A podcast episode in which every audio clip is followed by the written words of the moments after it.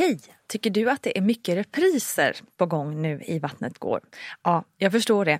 Det beror helt enkelt på att jag, Nina Campioni, just nu har en pop-up second hand i Modgallerian i Stockholm. Så min tid räcker helt enkelt inte tid att göra så många avsnitt som jag hade önskat. Men tills jag är tillbaka på full tid, kom gärna och hälsa på mig i Modgallerian. Vi ses! Halli hallå älskade lyssnare! Vattnet går is back med ännu ett avsnitt där vi ju göttar ner oss i det här med graviditeter och förlossningar.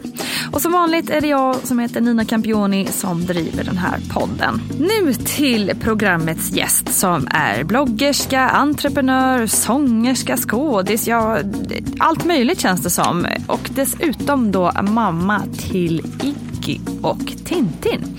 Jag talar såklart om Vanja Wikström. Vi pratar planerat kejsarsnitt väldigt mycket i det här programmet.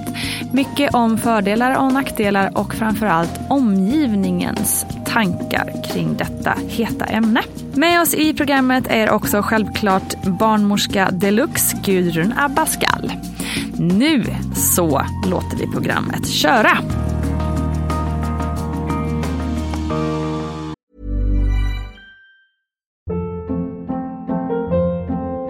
Hold up. What was that? Boring. No flavor. That was as bad as those leftovers you ate all week. Kiki Palmer here, and it's time to say hello to something fresh and guilt-free. Hello Fresh. Jazz up dinner with pecan-crusted chicken or garlic butter shrimp scampi. Now that's music to my mouth. Hello Fresh. Let's get this dinner party started. Discover all the delicious possibilities at hellofresh.com.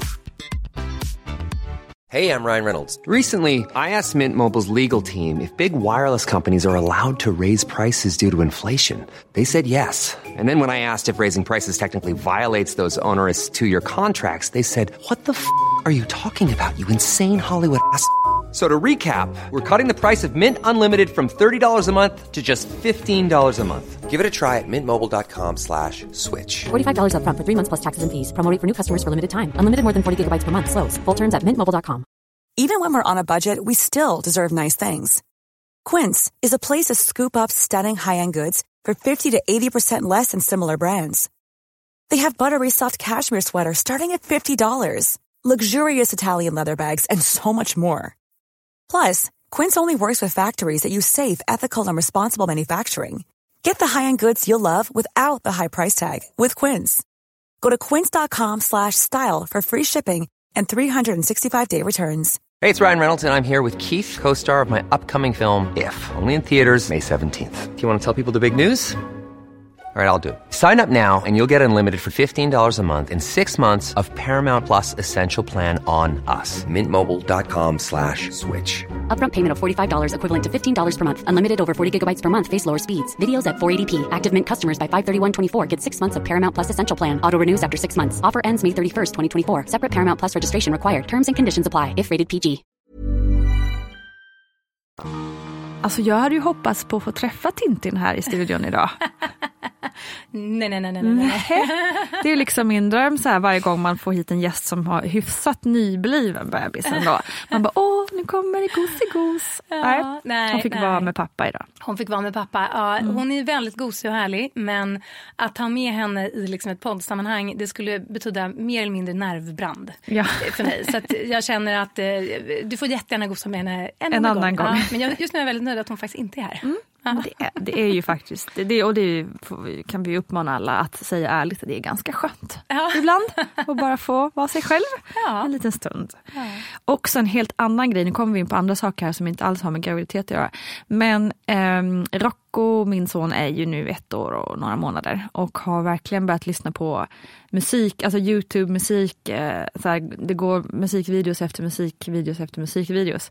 Och din röst kommer ju upp där lite då och då. Man bara, men gud, jag känner igen det här så himla mycket och sen bara, just det, det är hon. det är hon som sjunger så vackert för mitt barn. Ja men tack, vad glad jag blir. Det måste ändå vara så fint att vara igenkänd av så många barn på något vis. Ja, alltså det där är ju, det är liksom mitt och min kille Niklas Mm. hjärteprojekt.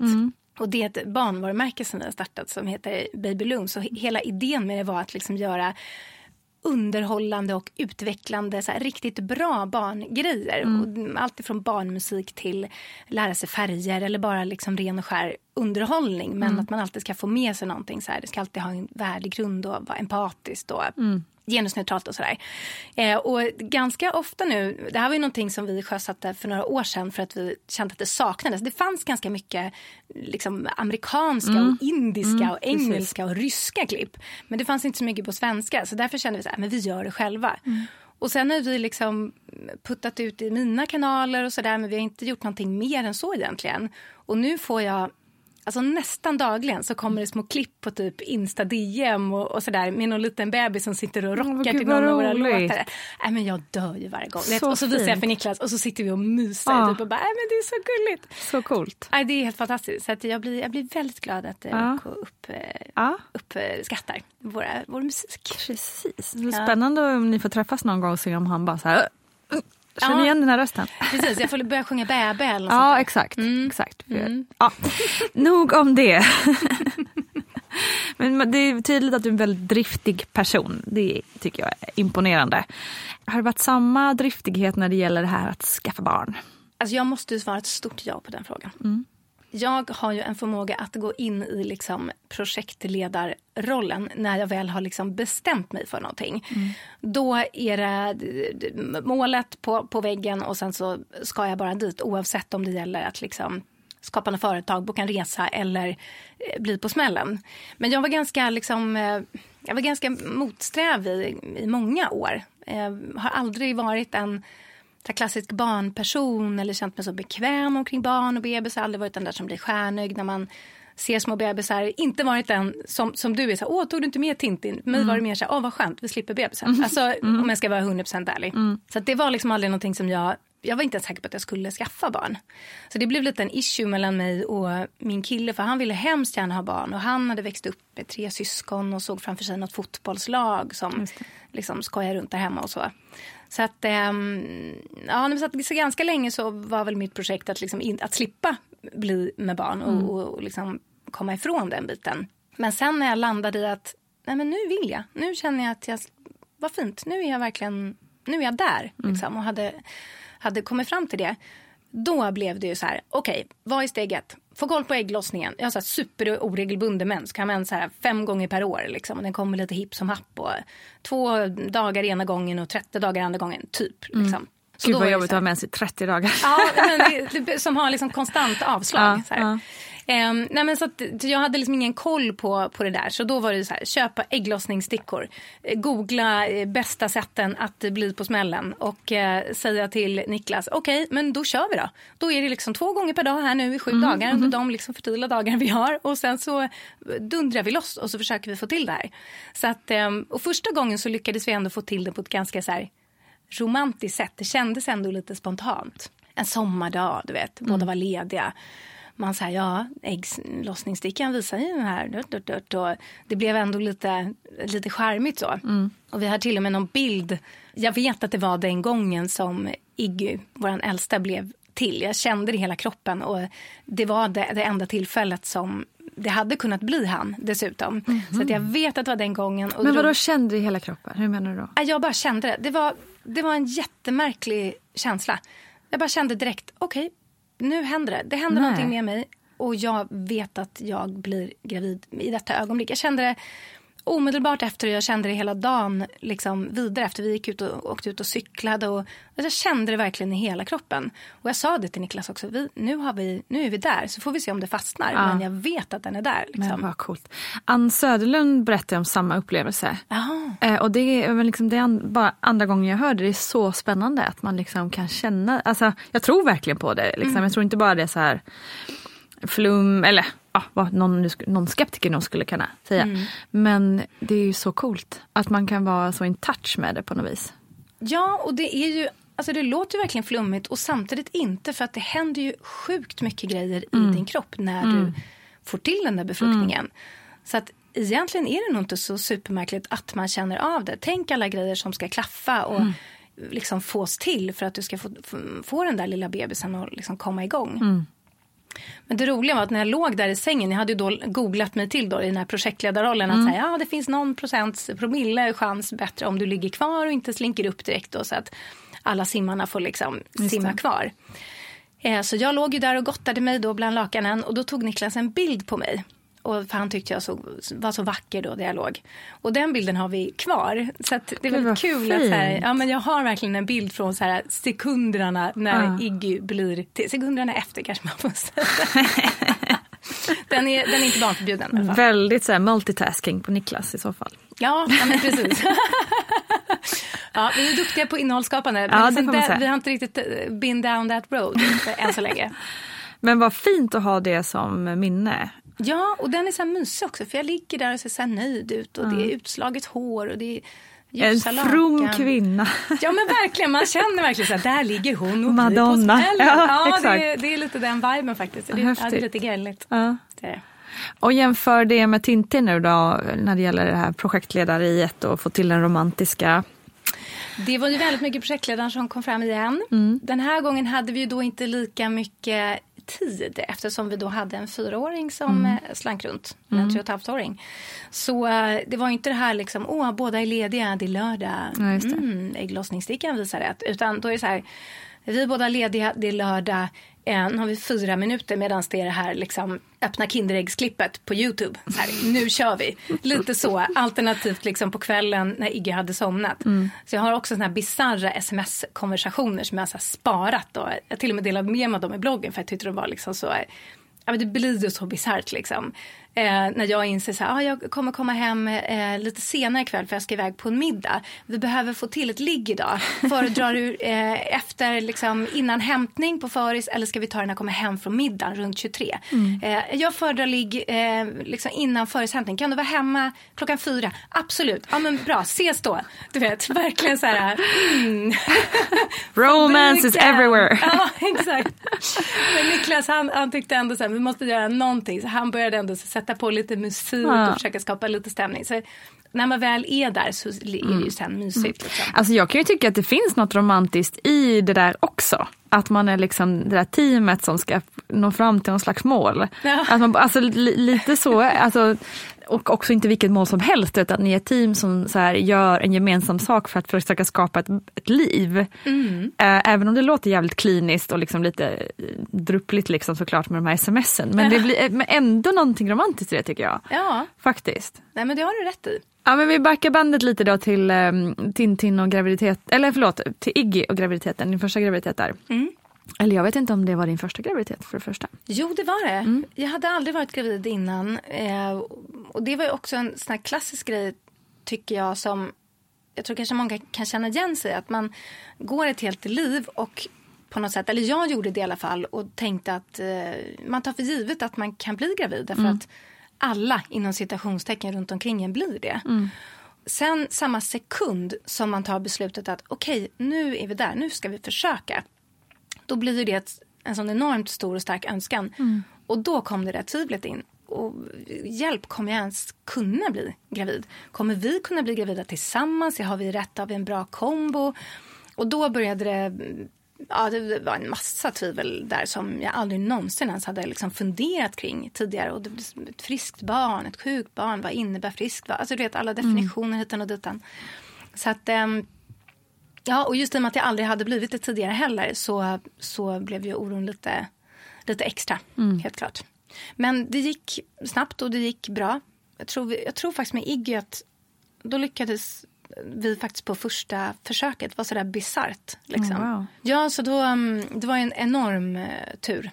Enorm tur. Jag har ju mycket vänner och bekanta som har kämpat länge och, utan att lyckas eller har lyckats efter liksom åtta år eller behövt olika typer av hjälp och sådär. Så att, eh, det är ju verkligen ingenting man kan ta för givet. Nej det är ju inte det men som sagt det är någonting man gärna tror att man kan ta för givet. Ja. Ganska länge. Alltså, Ja. Eftersom du säger samma för mig att man inte reflekterade över det förrän man stod där liksom. Ja, och sen är det, det blir så så lite löjligt för att man är, under skoltiden och lite genom det man har lärt sig via filmer och så vidare så kan man ju nästan få bilden av att bara en snubbe kollar på en så blir man, blir man på smällen. Och Och sen när man ger sig in i det där så inser man att fönstret är ganska litet även om man försöker, aktivt försöker. Och sen är det en massa andra variabler som ska stämma också. Så att eh, det blir väldigt liksom felaktigt det här att det ska vara så Oj, du måste skydda dig annars blir du på smällen. Ja, Man ska skydda gud, sig framförallt verkligen. för könssjukdomar tycker jag. Men Precis. just det här med graviditet är ju det är inte jättelätt att få till. Liksom. Nej, sannoliken inte. Hur mådde du som gravid då? Första gången med Iggy så mådde jag prima. Jag dansade fram. Jag eh, hade inga problem whatsoever. Så här, ja, jag hade kunnat skippa sista månaden när det var liksom bök och stök med allt för att man hade en jättestor basketboll i vägen. Men utöver det så var det peaches and cream. Måste jag säga. Det var liksom ingenting som var bökigt egentligen. Varken fysiskt eller psykiskt. Gud vad skönt. Ja, jätteskönt. Eh, det fick jag ju tillbaka. Det blev lite tillbakakaka med omgång två. Kan jag ju säga. Varsågod. Ja, men då var Okej. det liksom, eftersom jag hade den bilden också så blev jag nog ännu mer så aha okej, ja det kan vara så här också. Ja, ja, ja. Mm, nej, det behöver inte vara peaches and cream. Det kan vara Det är liksom. det som är så intressant när man tänker det är samma kropp, det är samma Mm. eh, partner, det är sa, alltså, liksom original, liksom, grunden är samma. Mm. Ändå blir det så olika. Ja, allt som den eh, första graviditeten var, var den andra inte. kan man väl säga. Det var ett rackarns spök och stök redan från där var också, jag kände också av det väldigt, väldigt, väldigt tidigt. Eh, inte i samma stund som liksom Tintin blev till. Men redan kanske, jag skulle säga dagen efter, så kände jag det. Och jag kände jätte, då var det väldigt fysiska tecken. Jag kände direkt i mina bröst att oj, oj, oj, vad händer här? Alltså det var det spände och var märkligt. Och, ja, det, var, det var en väldigt påtaglig fysisk känsla. Så det var också väldigt säker på att så här, ja, men nu, nu har det blivit.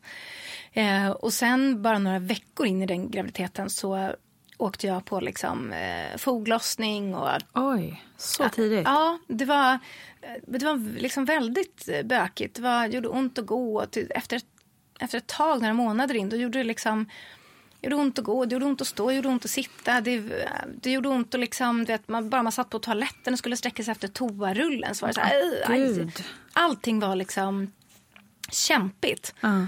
Och då hade man dessutom en, eh, ja, men en treåring som man konkade runt på, som man behövde ta hänsyn till, som man behöver leka med, ta hand om, hämta lämna på föris, underhålla. Det fanns ju inte alls den här liksom tiden som under första graviditeten när man bara kunde mm, lägga sig på soffan, pilla sig naveln, kolla lite sin gravida. Och är det en apelsin nu? Är det en avokado? Vad är det för någonting man har i magen?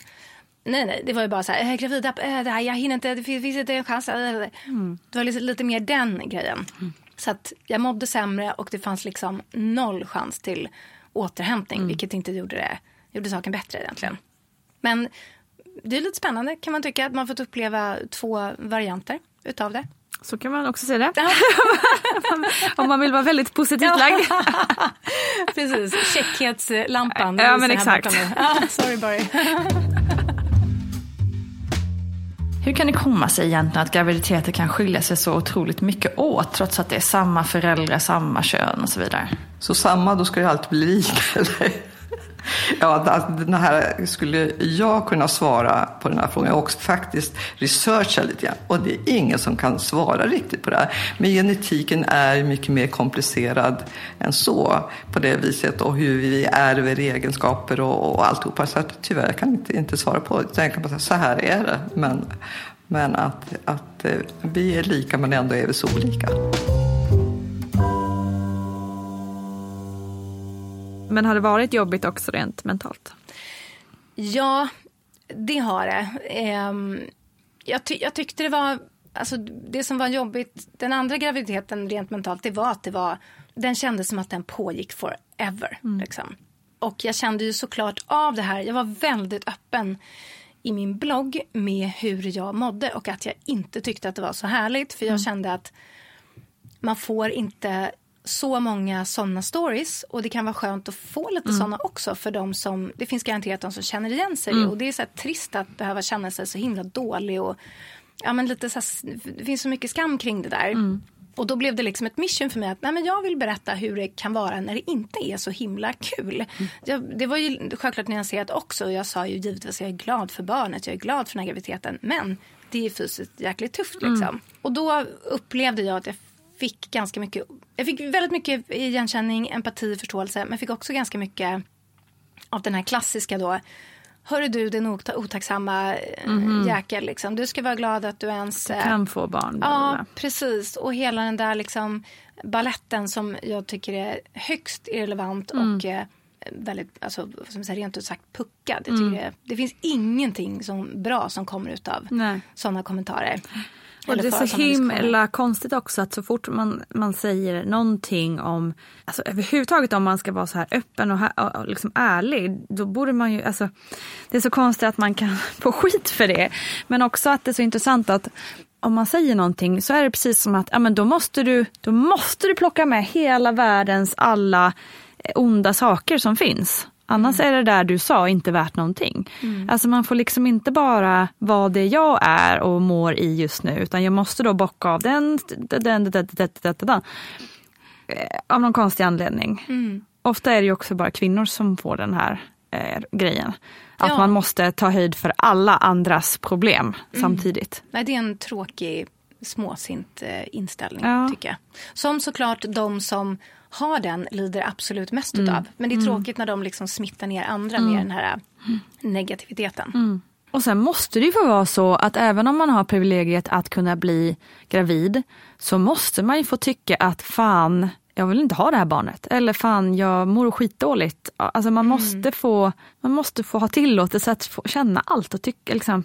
Nej, det blir också så märkligt att man hela tiden måste, man måste safea på något sätt. det är lite som precis. Att, att om jag säger att jag älskar rosa, då betyder inte det automatiskt att jag hatar grön. Exakt, exakt. Utan det blir liksom bara för att jag säger att det är skitpissigt just nu. Jag mår Mm. svindåligt fysiskt. Det är jättejobbigt att bara ta mig igenom dagen just nu på Mm. grund utav den här graviditeten. Så betyder ju inte det att jag inte är tacksam för att jag är gravid, att jag vill ha det här barnet. Nej. Men man måste liksom hela tiden, det, var väldigt, det blev jag väldigt noga med, liksom att Mm. här, man måste hela tiden få in den här disclaimern. Obs, obs, Ja. fortfarande tacksam, vill fortfarande ha mitt barn, eh, är fortfarande en god person. Mm. Men jag mår också ganska dåligt just nu. Nej, men det är det som är så tråkigt i, i hela det klimatet som har blivit, att det blir att eh, folk, profiler, gemene man eh, måste hela tiden backa på det man kanske har tänkt dela med sig. Så bara, nej men jag kan nog inte göra det för då kommer jag förnärma den här, kommer förnärma den och si så. Och det blir så himla tråkigt, det blir ingenting, blir ingen diskussion av någonting till slut. Allting blir mellanmjölk. Det blir mellanmjölk och sen så saknar man ju då hela den här prylen som folk efterfrågar. Man Precis. pratar om den här rosa fluffbubblan och alla på sociala medier delar bara liksom den här, den här vinklade bilden av det perfekta livet. Men när man då försöker att verkligen göra en insats så... Får man skit för det. Ja, men exakt. För då är man inte tacksam nog att liksom uppskatta det man har. Så att det blir väldigt dubbelt och det känns som att eh, de människorna som går in djupt i de diskussionerna och är väldigt negativa har ju helt klart för mycket tid att engagera sig i andras liv. Och det är ju väldigt sorgligt kan jag tycka. Och därför har jag också svårt att bli verkligen, verkligen arg på dem. För jag vet att så här, jag lider otroligt Ja. mycket mindre av det här än, än vad de gör själva. Men det är fortfarande trist att det ska vara så. För det gör ju att folk lägger locket på. Exakt. Och det var många gånger jag satt med ett inlägg så bara jag ville så himla gärna dela med mig av någonting för att jag kände att det här kommer hjälpa så många som, som får igenkänning i det här nu. Och sen bara innan jag tryckte på publicera så bara, "Ah, men fan orkar jag ta det här, den här bajsmackan som kommer komma med det här inlägget nu. Orkar jag ta det? Och sitta och, och liksom förklara att jag är en bra person i alla fall. Bla bla bla bla bla. Och ibland var det så att man kände så här, äh, fan, jag, alltså jag orkar inte idag. Jag, jag orkar inte idag. Och, och så kanske man inte gjorde det då. Man orkar inte ta fighten liksom. Och en sån Ja, det är kultur ju mår, mår ingen bra jättetråkigt. utav. Nej, precis. Ingen, ingen blir hjälpt, ingen mår bra. Nej. Jättetråkigt. Men bra att du orkar. Ja, men man måste snacka mer om både sånt som är liksom härligt och mindre härligt med Exakt. både graviditet och jag. Precis.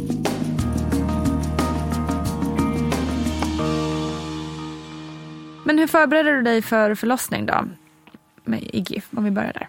Ja, alltså om det som var tufft rent psykiskt med Tintin då, vårt andra barn var det fysiska, så var det som var tufft med Iggy det psykiska. Där mådde jag ju tippetopp i liksom kroppen och, och, och sådär. Men jag hade ju en väldigt stark vilja att föda med planerat kejsarsnitt. Och det var också någonting som hade fått mig att vänta mm, ganska länge med att skaffa barn. Det var en av de variabler som spelade in när jag funderade på barn eller inte barn. Liksom. Mm. Var det en rädsla för förlossningen eller varför ville du ha kejsarsnitt? Ja, absolut. Mm. Rädsla för förlossning och rädsla för eh, förlossningsskador. Ja, okay. Som, eh, ja, de eventuella förlossningsskador man riskerar. Mm. Och rädslan för att det, det, är ju en märklig situation att det mest intima i livet ska du genomföra med en person som du aldrig har träffat förut. Mm. Alltså den här barnmorskan då som, som, som, som ska ledsaga dig genom det här. Och är det så att man av någon anledning inte klickar med den personen. Nu vet jag att de flesta barnmorskor är helt magiska och de brinner för sina jobb och allt sånt där. Och de är fantastiskt kompetenta och duktiga. Men skulle det vara så att det inte känns bra orkar man då be om så här, nej jag, mm. vill, jag behöver en annan person att hjälpa mig genom det här. Eller orkar man inte det, skäms man för det, vågar man inte mm. liksom. Eller är det så att man känner att man klickar jättebra men sen går den här kvinnan av sitt, eller mannen av sitt skift. Eller så är det så lite som förlossningsvården tyvärr ser ut idag. Att hur kompetenta och magiska, fantastiska barnmorskor vi än har så är det det finns för lite tid, det finns för lite resurser. Det är en stressad miljö och mm. Det är otroligt värdelöst tycker jag att vi är ett så rikt land som Sverige inte kan styra upp vår förlossningsvård bättre. Hade jag vetat att jag skulle bli megatryggt omhändertagen, att eftervården fungerade sömlöst och så vidare, då hade jag varit åtminstone lite mer mm. positivt inställd till en vaginal förlossning. Men min bild av det eh, var inte så positiv. Eller jag känner liksom att det är ett lotteri. Det kan ju bli mm. helt fantastiskt. Jag säger absolut inte på något sätt att vaginala förlossningar inte är härliga eller, eller så. Absolut inte. Det, det, det är klart de Just ordet härliga är väl kanske inte... jag skojar bara. Nej, det finns nog kanske några fåtal ändå som tycker det. Nej, jag bara skojar. Förlåt. Fortsätt. Ja, nej, men jag, jag, jag förstår ju att, att själva upplevelsen då, i sig mm. är ju eh, fantastisk på, på många sätt eh, när det går bra. Eller till och med när det inte går bra kan mm. folk fortfarande tycka mm. att det är helt fantastiskt. Absolut. Men för mig så kändes det väldigt mycket som ett lotteri. Och jag eh, var inte villig att riskera det man sätter på spel med en vaginal förlossning. Jag känner mig mycket mer trygg med de risker som finns med ett planerat kejsarsnitt. Mm. För det finns risker med både vaginala förlossningar och planerade snitt. Man vill ju gärna liksom framställa vaginala förlossningar som eh, riskfria med att de är de, de mest naturliga då, inom mm. citationstecken och så vidare. Och så är det givetvis eh, inte. Utan det finns eh, risker med vaginala förlossningar. Och jag kände mig helt enkelt mer trygg med det jag riskerade vid ett planerat kejsarsnitt. Så det var väldigt, väldigt viktigt för mig att få föda på det sättet. Och hur mottogs den inställningen? Ja, men det var Alltså, I och med att det, här var ju ingenting som jag kom på samma dag som jag blev på smällen. Utan det här är någonting som har legat och grott i mig sedan jag var liten i princip. Mm. Så jag har alltid vetat att det är så jag ska föda, annars så blir det ingen affär. Liksom. Men när jag och Niklas då började närma oss att nej men nu, nu känner vi att nu vill vi nog försöka oss på att skaffa barn. Då gick jag på eget bevåg och sökte upp en, en barnmorska. Bara för att så här, lufta tankarna kring så här, hur är det om man känner väldigt starkt för kejsarsnitt? Vad har man för möjligheter? Hur, hur ser den eventuella vägen ut och så. Och så fort jag liksom nämnde ordet kejsarsnitt så började det liksom bara lysa ur den här kvinnans ögon att eh, aj, aj, aj, aj, oj vad du är fel ute. Det här har du ingenting att hämta liksom. Utan hon, hon skulle liksom med mer eller mindre våld fösa in mig på, på sin väg. Och lyssnade knappt klart på mig trots att jag satt där och liksom grät för det här upprörde så mycket känslor i mig. Utan hon var bara så här, nej du gör det här, det har alla kvinnor klarat i alla tider. Eh, ditt, ditt, ditt, ditt. Och på henne lät det då som att lite som den gängse bilden av planerade kejsarsnitt faktiskt kan vara. Att det är på något sätt ett jättedåligt alternativ. Är, mm. Man är en så dålig kvinna och man utsatt sin bebis för så mycket hemskheter. Och det, det är nästan så att man man dödar sitt barn. Alltså det, det, det är nästan så liksom fruktansvärt som folk upplever. Att man sätter sig själv då framför barnets bästa och så vidare. Och så har de ingen koll på egentligen vad det är för, för risker man egentligen pratar om som finns mm. vid ett planerat snitt. Som man också ska komma ihåg är en väldigt annorlunda operation jämfört med ett akut eller ett urakut mm. snitt mm. som är en Absolut. nödlösning. Så, att, nej men så att då kände jag ju bara att det, det, finns ju ingen chans i världen att jag kommer få ett kejsarsnitt. Det gjorde hon väldigt eh, klart för mig. Och då kände jag att jag kommer inte få några barn. Jag kommer mm. inte våga mig på det här. Så då Gud, så pedagogiskt korkat av denna människa. Ja men eller hur? Alltså herregud. ja. Ja, det- Och speciellt, jag menar, det kan ju inte vara så många tänker jag som söker upp en barnmorska innan man ens är gravid att liksom dryfta sina farhågor och tankar. Jättekonstigt bemötande. Mm. Och det säger ju ganska mycket att om man har samma känslor som jag och då redan är gravid och går till MVC eller vad man nu är då första gången och träffar någon och, och inom vården och pratar med det här om och får den, det bemötandet som folk får i ändå ganska stor utsträckning idag. Då får man ju panik. Då har man ju den här bebisen i magen redan och man får panik. Vad finns det för risker versus eh, fördelar med ett planerat kejsarsnitt? Jag kan börja med om, om vi säger då här ifrån, ifrån barnets perspektiv, för att det, det är väl det som man diskuterar eh, mest idag, så handlar om de här tidiga eh, komplikationerna. Det handlar om, om att barnet kan ha andningsstörningar. Och det beror på att barnet har inte gått igenom förlossningskanalen och hela den mekanismen. Så att när de kommer ut så, så lungblåsorna så är det mycket vätska i dem och så vidare. Så att det är inte ovanligt att de, de har svårt att bli stånkiga som vi säger. Och så får man hjälpa till och ge ibland lite syrgas men att, att eh, ja, hjälpa barnet på traven. Ingenting sånt där som jag känner att vi inte klarar om, allting är bra för övrigt. Men att det är ju tråkigt ändå naturligtvis för föräldrarna. Och ibland kan det vara så att de inte hämtar hem att andningsstörningar andningsstörningarna drar ut på tiden. Då måste, får man ju då föra över barnet till en neonatalavdelning. Men ett friskt barn för övrigt så jag det att det är okej, men tråkigt naturligtvis. Och sedan så har vi det här med att hålla temperaturen har de inte heller samma förmåga till utan där är det mera noga med att få barnet på kläder och till och med så att jag kan acceptera att man sätter en, en mössa på det barnet vid planerat kejsarsnitt just därför att de har inte, inte alls samma förmåga med att, eh, att hålla temperaturen och torka av dem ordentligt och så vidare. Eh, sedan så vet jag att de här barnen också har ett lägre lägre blodsocker så man får kolla det kanske lite mer. Så att det är ju någonting i den här mekanismen att födas den vanliga vägen som är att barnet blir förberedd med hjälp av det här oxytocin och adrenalin och allting som kvinnan utsöndrar under hela förlossningsarbetet som, man inte, som hon inte gör under själva, själva kejsarsnittet på det viset. Så. Om vi då ser på risker för komplikationer för kvinnan hon föder med, med ett kejsarsnitt så ser vi då att det handlar om i de här tidiga komplikationerna så är det infektion i såret naturligtvis och även i livmodern, urinvägsinfektion. Så därför idag så är det väldigt vanligt och det är kanske mer vid akuta kejsarsnitt så ger man i princip alla kvinnor antibiotika därför att infektionsrisken är så, så pass stor. Och eh, sedan så, så på längre sikt så det här med blödningar är också något större, att man blöder i samband med operationen lite mer än vaginal. Men det har man fått ner ganska bra tycker jag, men något större om man tittar på statistiken. Senare komplikationer, det är ju då att man är, det är en stor bukoperation. Så att det, det, finns ju då risk för att man får sammanväxningar som vi säger då, av tarmar och bukhinna och sådana saker som, som kan göra att man får problem efteråt med eh, tar, allt ifrån tarmvred till, till ont i magen och så vidare. Sedan så är det ju också det här vid kejsarsnitt tycker jag alltid att man får ta diskussion hur många barn vill du ha?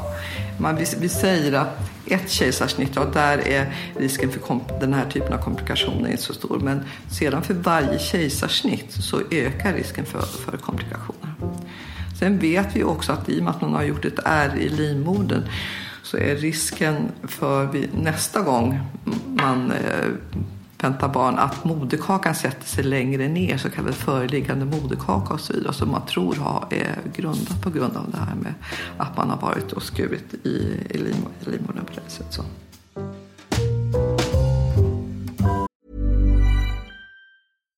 Ready to pop the question? The jewelers at BlueNile.com have got sparkle down to a science with beautiful lab-grown diamonds worthy of your most brilliant moments. Their lab grown diamonds are independently graded and guaranteed identical to natural diamonds, and they're ready to ship to your door. Go to Bluenile.com and use promo code LISTEN to get $50 off your purchase of $500 or more. That's code LISTEN at Bluenile.com for $50 off. Bluenile.com code LISTEN.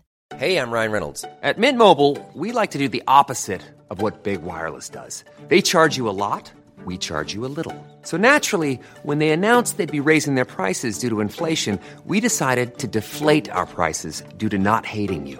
That's right. We're cutting the price of Mint Unlimited from $30 a month to just $15 a month. Give it a try at mintmobile.com slash switch. $45 upfront for three months plus taxes and fees. Promo rate for new customers for limited time. Unlimited more than 40 gigabytes per month. Slows. Full terms at mintmobile.com.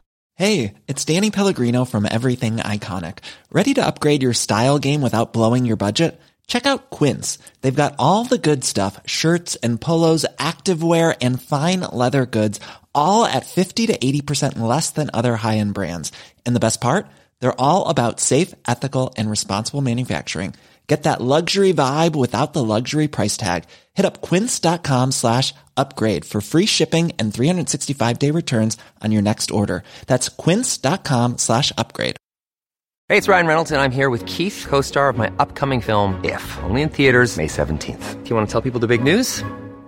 All right, I'll do it. Sign up now and you'll get unlimited for $15 a month in six months of Paramount Plus Essential Plan on us. Mintmobile.com slash switch. Upfront payment of $45 equivalent to $15 per month. Unlimited over 40 gigabytes per month. Face lower speeds. Videos at 480p. Active Mint customers by 531.24 get six months of Paramount Plus Essential Plan. Auto renews after six months. Offer ends May 31st, 2024. Separate Paramount Plus registration required. Terms and conditions apply if rated PG. A lot can happen in three years, like a chatbot may be your new best friend. But what won't change? Needing health insurance. United Healthcare Tri Term Medical Plans, underwritten by Golden Rule Insurance Company, offer flexible, budget friendly coverage that lasts nearly three years in some states. Learn more at uh1.com.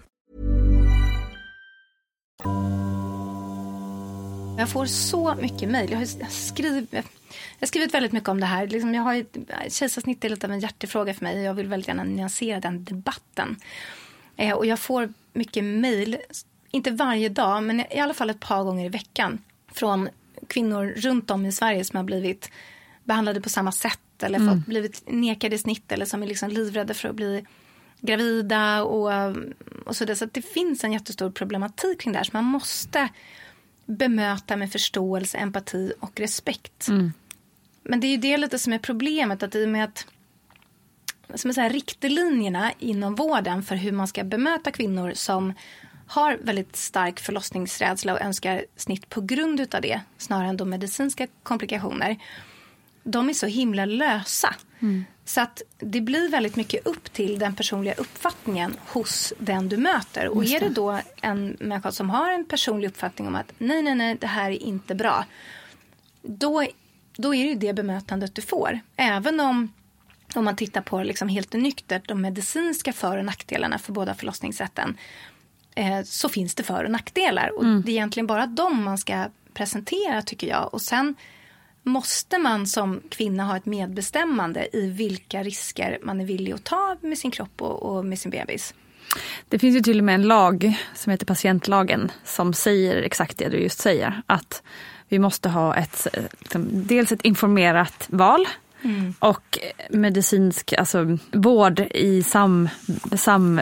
Vad säger Nu hittar jag inte exakt rätt ord, men liksom så att man tar beslut tillsammans. Liksom. Men det känns lite som att det gäller alla andra eh, områden förutom just förlossningar. Mm, För där exakt finns så. det någon sån här ur, urkraft. Eller du vet, Mm. det finns den här liksom löjliga bilden att ja, kvinnor har fått barn i tusentals år. Liksom, och det finns ingen anledning att, att eh, liksom titta åt något annat håll än just det här.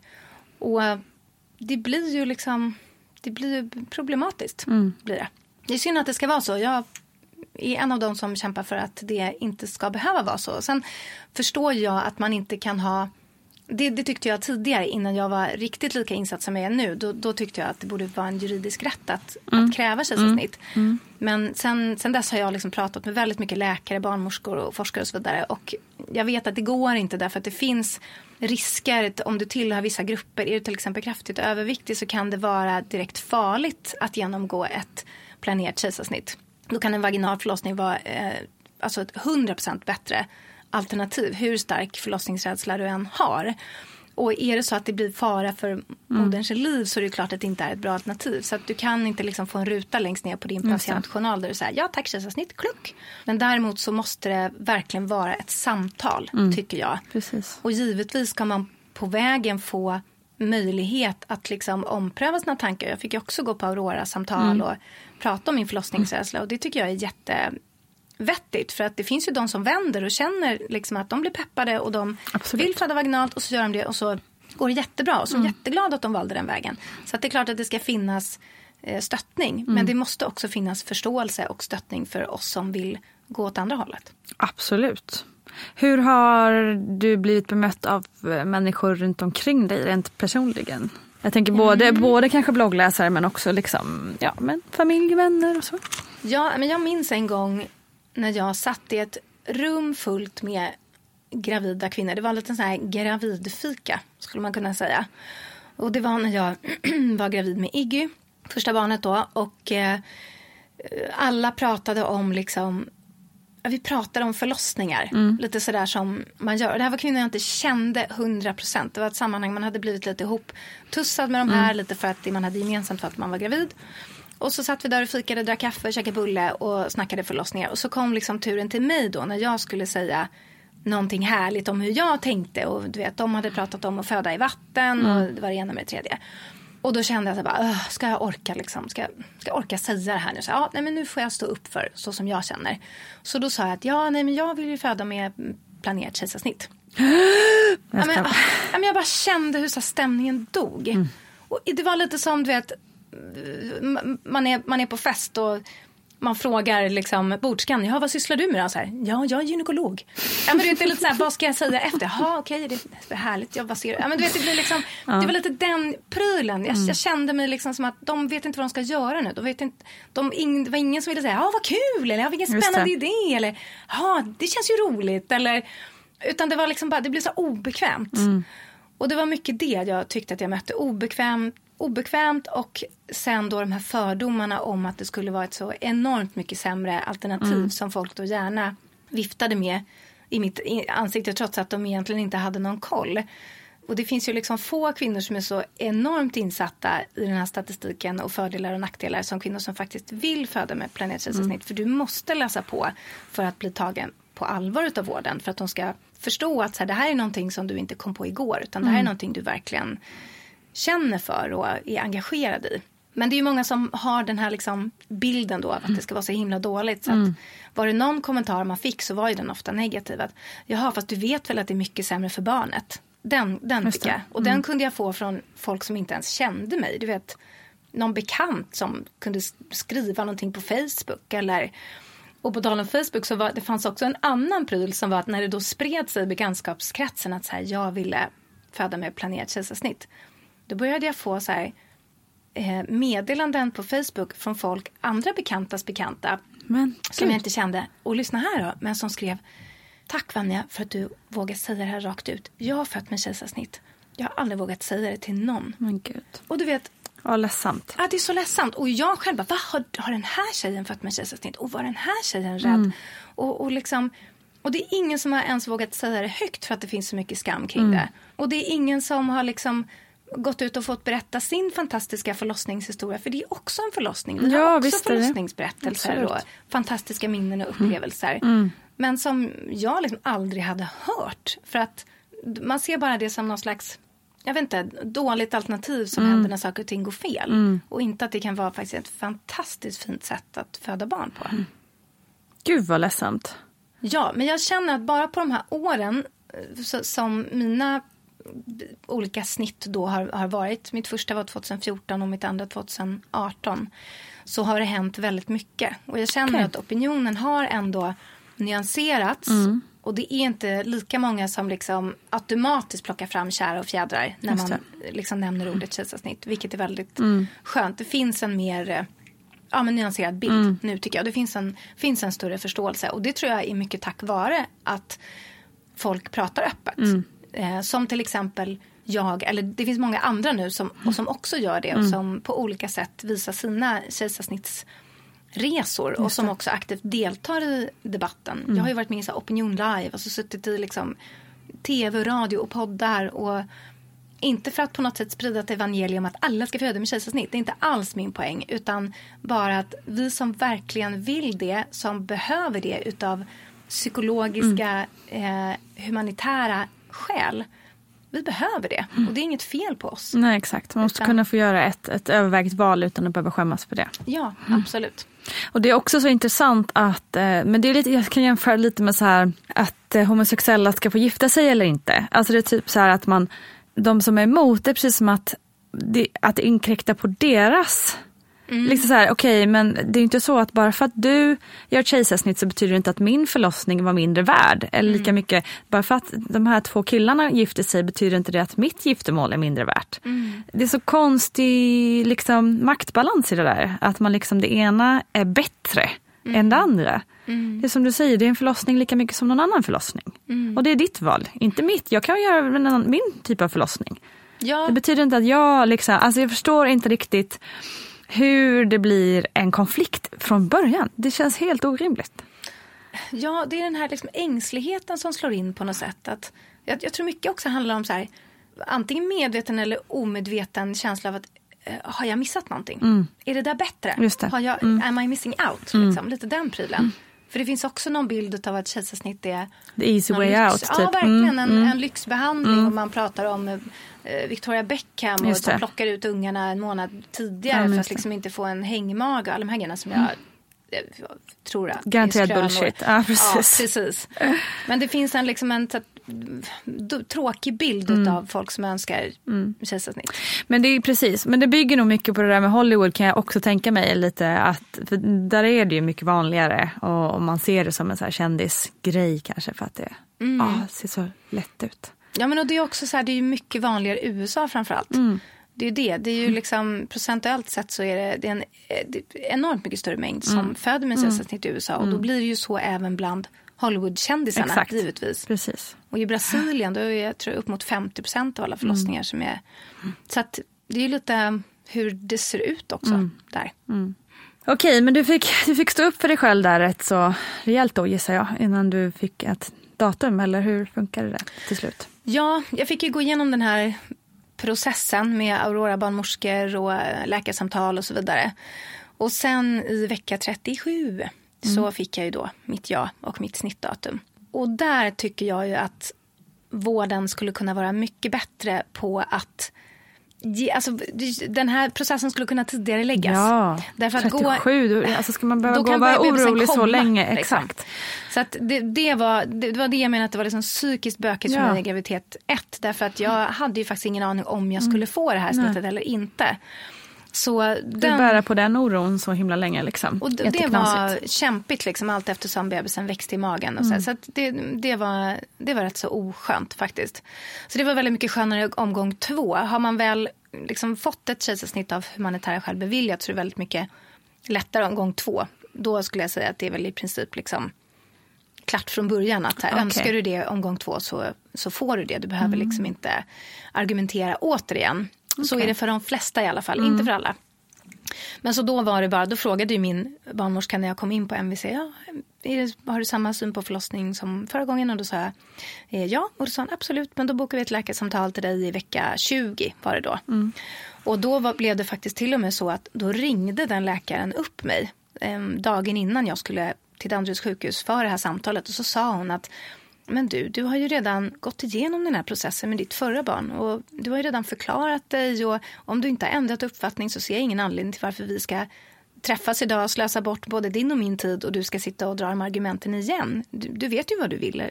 Och då sa jag ja. Hon bara, men då tycker inte jag att vi behöver ses utan jag bokar in ett snitt till dig nu. Och då kände jag bara så här, mm. men tack och tack för förståelsen och tack för empatin och tack för den här liksom inlevelsen i mm i min situation att jag slapp då ytterligare en gång. Och tack för att du lyssnar på mig. Ja, precis. precis. Ja. Så det var ju en enorm, enorm lättnad. Mm. Ja, det var jätte, jätte, jätteskönt bara. Har du känt någon gång efter de här två snitten att du har tänkt bara, mm, undrar hur det skulle vara med en vaginal förlossning? alltså när, när Tintan kom ut, och vår andra, så då var hon ju så jäkla liten. Så när jag tittade på henne först här, då, då slog mig faktiskt tanken att äh, det kanske inte är så farligt att trycka ut den här lilla rackaren ändå. Liksom.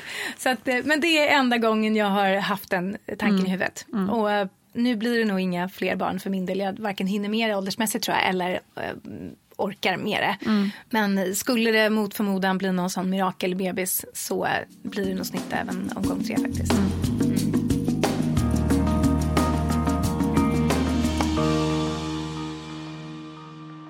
Men eh, ta med oss på själva dagen D. Dagen D. Mm, det är ju en märklig dag. Man står där med sin mage och vet att man, vet, man har ungefär ett klockslag liksom, där man vet att man kommer ha sin bebis i famnen och det är ju väldigt surrealistiskt. Man, eh, man går ju upp och skrubbar sig med Descutan, det här härliga medlet som man ska liksom eh, gnida in i alla sina kroppsöppningar höll jag på att säga. Nej men verkligen så här bli eh, tvagad. Och sen så slinker man till sjukhuset där man får byta om till den här snajdiga kejsarsnittsoutfiten. Blåa fina kläder och en sån här liten härlig plastmössa på huvudet. Och sen sitter man då utanför operationssalen och, och väntar. Och, och den grejen är ju liksom ganska märklig för att man sitter där och vet att när nästa när, när dörren öppnas nästa gång och de rullar ut den här nyblivna lilla familjen, då är det ju vi som ska in och få vårt barn.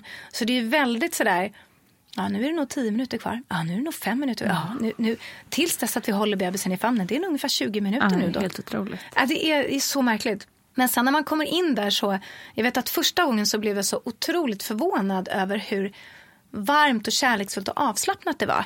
För jag, min bild av det var en så här steril operationssal, det kommer in Kliniskt, liksom. doktor. Här, rört, rört, rört, rört, precis. Och så var det liksom inte alls det. Utan det var så här varmt och härligt och det var mysigt och alla var så fruktansvärt gulliga. Alltså min upplevelse av vårdpersonalen är ju bara, ja, vilka hjältar så magiskt fantastiska människor som lyckas få en att känna sig speciell och omhuldad och vara så här superfulla av glädje trots att de gör det här. Där gör de ju liksom ett snitt i timmen Ja, på. Danderyd.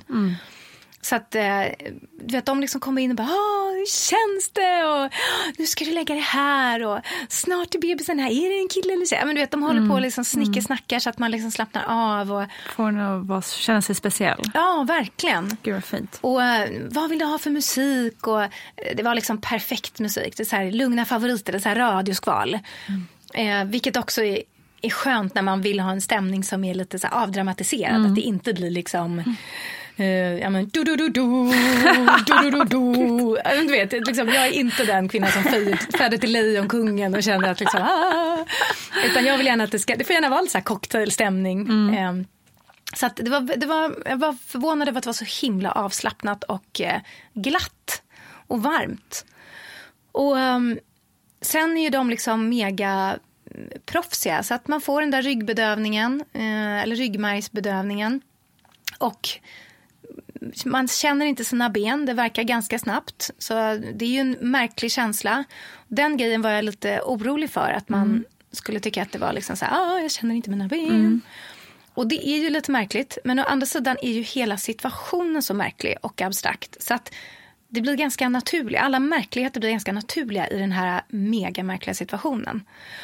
Och sen var jag också lite nojig över katetern, för man har ju då en kateter när man gör snitt. Och det tyckte jag ju då så här, hjälp hur ska det kännas och sådär. Men det, var, det har heller inte varit något problem överhuvudtaget. Jag har älskat den här katetern, det var jätteskönt att inte vara kissnödig. För man har den kvar ungefär ett dygn efteråt. Ja, ja. Så att man blir aldrig kissnödig, vilket är jätteskönt. För man kan liksom ligga Man där blir med- aldrig kissnödig utan det bara händer av sig självt. liksom. Ja, Åh, den, det, det, den suger liksom ut kisset och så hamnar kisset i en Jaha, påse. Det har inte jag fattat. Som jag andra gången, då gick jag och tömde den själv. När jag såg att nu är den full, då går jag och tömmer den. Så att man får liksom aldrig den här känslan av kissnödighet. Gud, borde man ju ha på natten när man Ja. är gravid känner jag. Fan vad skönt. Ja, du vet lättnaden när man hade Ja. gått i så här nio månader varit kissnödig konstant. Nej, det var, det var som himmelriket. Jag bara, "Ah, kateter, det är ju fantastiskt. så, att, eh, nej, så det var liksom ingen grej heller. Och det här att någon ska liksom pilla mellan benen och sådär. Som sagt, allting blir väldigt omärkligt i den här märkliga situationen. Så, eh, det, så spänner de ju upp det här skynket över magen. Och eh, de tvättar magen och grejer och donar lite där bakom. Och sen så känner man ju när de buffar omkring.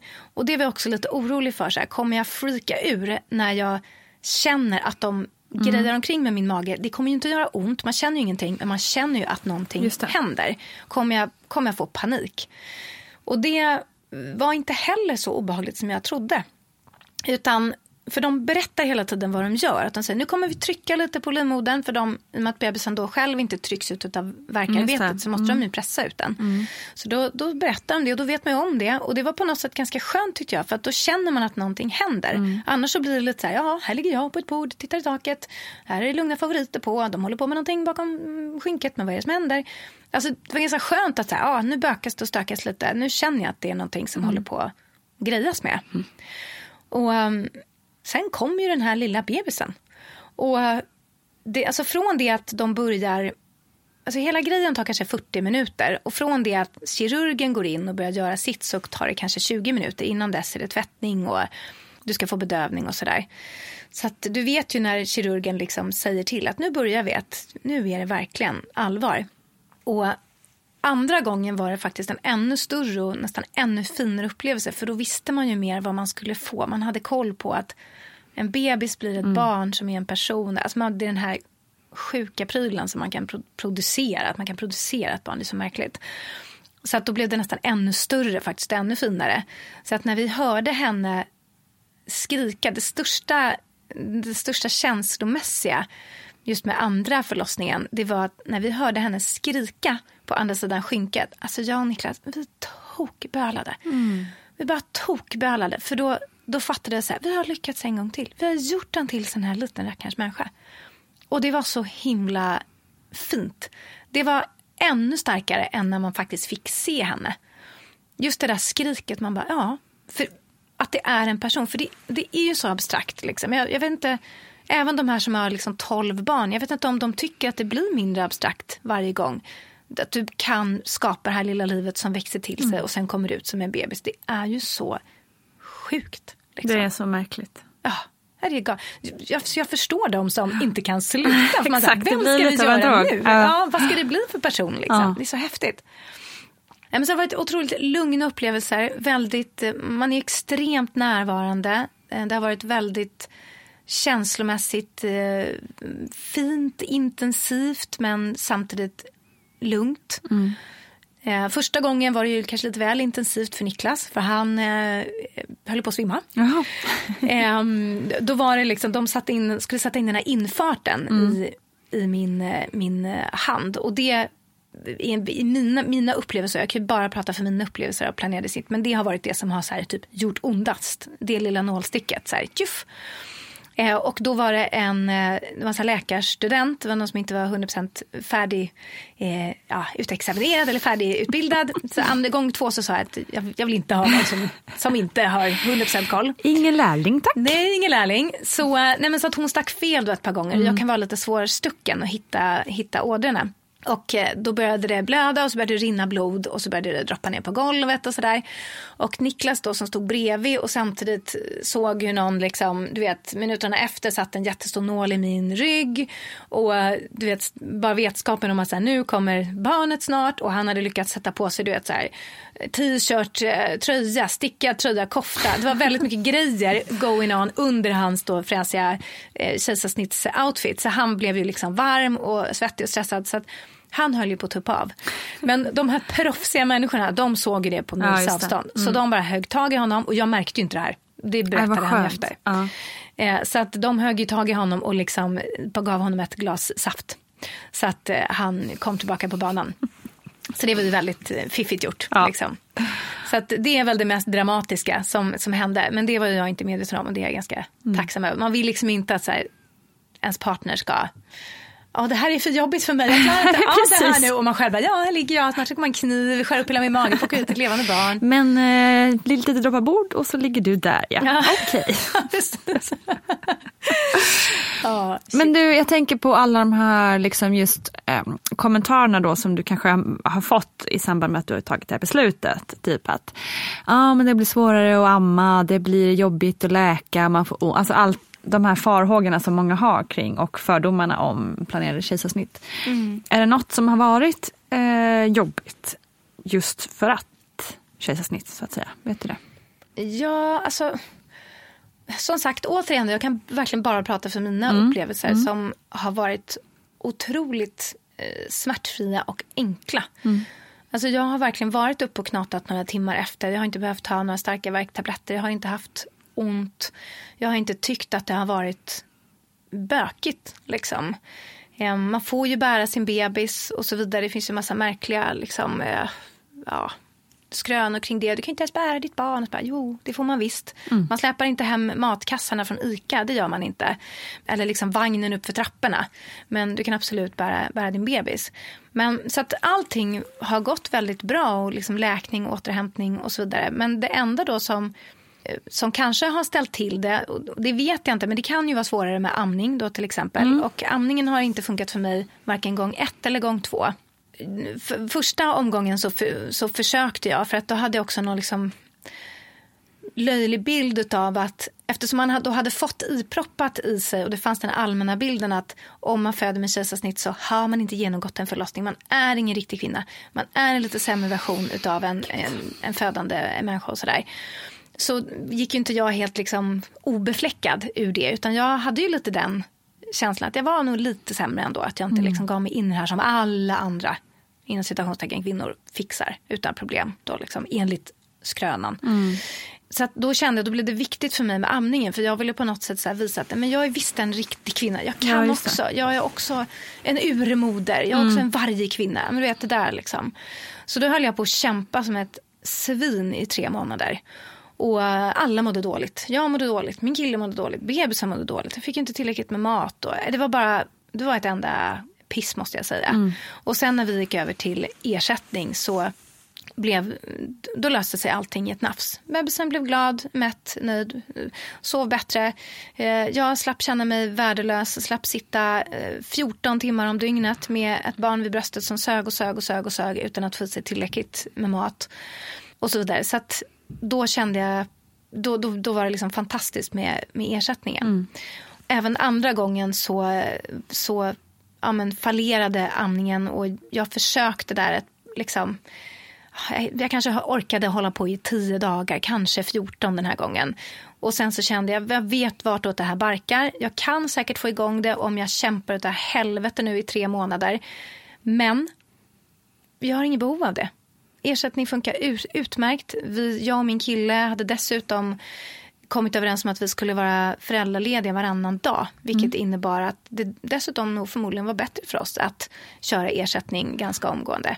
Så att då var det mer så här, jag testar och ser om det funkar. Funkar inte så, men då kommer jag inte kämpa för det. Mm. Och det kan ju ha att göra med att jag inte födde vaginalt. Att de processerna liksom inte kom igång då rent fysiskt i min kropp.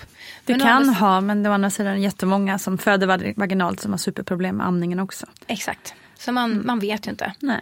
Och det var heller inget jätteproblem för mig. Så att, eh, så egentligen så, jag får nog säga att det, jag har inte upplevt någonting negativt med det förutom omvärldens reaktioner. Mm. Det skulle jag säga är mm. den stora negativa biten. Och det måste vi ändra på för det är ju något extremt onödigt. Ja.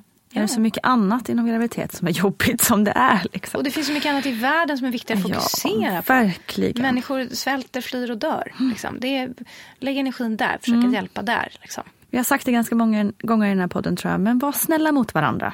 Ja, var snälla mot varandra. Acceptera varandras olikheter. Ja. Det är inte så svårt. Nej. Nej. Mm. Du, vad har du för tips till, eh, till någon som sitter och lyssnar nu och eh, tampas lite med samma farhågor som du och som vill, gärna vill göra ett kejsarsnitt? Då skulle nog mitt tips faktiskt jag skulle nog faktiskt tipsa om min egen blogg där. För jag har samlat så himla mycket bra saker eh, som jag hade önskat att jag hade fått läsa när, när jag satte de här tankarna inför min första graviditet. Eh, jag bloggar på vanjavikstrom.se. Mm, just nu hittar man bloggen på Mama. Eh, där finns det en kategori som heter kejsarsnitt och där finns det dels inlägg om som är mer allmänna där jag berättar om liksom, procentuellt statistiskt och så mm. vidare. Mm. risker och fördelar med kejsarsnitt versus vaginala förlossningar. Hur det ser ut med förlossningsskador statistiskt sett. Hur det ser ut med risker vid kejsarsnitt. Ehm, jag länkar till mycket liksom, forskningsrapporter, Socialstyrelsens styrdokument. Eh, Facebookgrupper som är väldigt bra att vara med i, mm, poddar som är bra att lyssna på. Alltså jag har liksom gjort ett mm. samlingsinlägg så här att här hittar du det mesta, det som ger svar på alla dina frågor. Just i och med att jag får så mycket mail om det här så kan jag hela tiden, då har jag skapat det här blogginlägget för att då kan jag hela tiden hänvisa till det. Så Superbra. slipper jag skriva det mejlet eh, liksom varje vecka. Och sen finns det också ett inlägg där som heter argument för att få ett kejsarsnitt beviljat. För att har man väl bestämt sig känner att det här är någonting som man önskar i hela sitt väsen så kan det vara bra att ha lite på fötterna när man möter dels vård men också sin eh, omgivning eh, som kan vara mer eller mindre förstående. Så att där finns det också eh, argument uppstaplade som kan vara schyssta att liksom läsa igenom. Så att det är nog faktiskt eh, ja, mitt, mitt allra bästa tips. Som sagt, det är en hjärtefråga för mig så jag gör mitt bästa för att kunna sprida nyanserad kunskap kring det här. Supertips. Kanon. Tack Vanja att Ja, du ville vara med. tack Nina, det var jätteroligt. Stort tack kära Vanja Wikström för att du eh, ville dela med dig av eh, din story. Så viktigt att vi pratar mer om det här och accepterar varandras olikheter tycker jag. En lärdom som vi kan bära med oss efter det här programmet. Tack också alla ni som lyssnar och mejlar och hurrar hela vägen fram på den här podden. Det är så underbart att få ta del av era tankar. Fortsätt gärna med det, både på Instagram och i riktiga livet. Vi hörs snart igen. Puss och kram!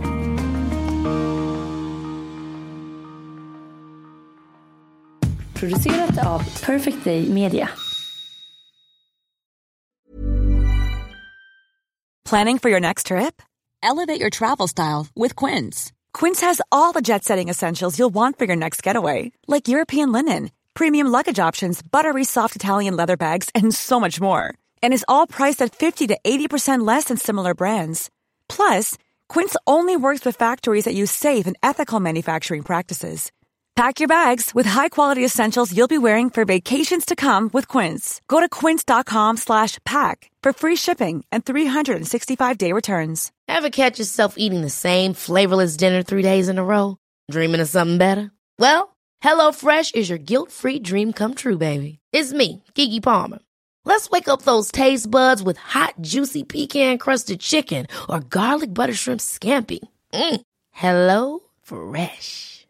Stop dreaming of all the delicious possibilities and dig in at HelloFresh.com. Let's get this dinner party started. Hi, I'm Daniel, founder of Pretty Litter. Cats and cat owners deserve better than any old fashioned litter. That's why I teamed up with scientists and veterinarians to create Pretty Litter. Its innovative crystal formula has superior odor control and weighs up to 80% less than clay litter.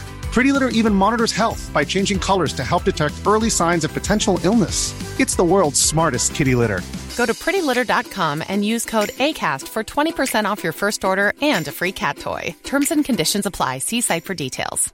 Mom deserves the best, and there's no better place to shop for Mother's Day than Whole Foods Market. They're your destination for unbeatable savings, from premium gifts to show-stopping flowers and irresistible desserts. Start by saving 33% with Prime on all body care and candles. Then get a 15-stem bunch of tulips for just $9.99 each with Prime. Round out Mom's menu with festive rosé, irresistible berry chantilly cake, and more special treats. Come celebrate Mother's Day at Whole Foods Market.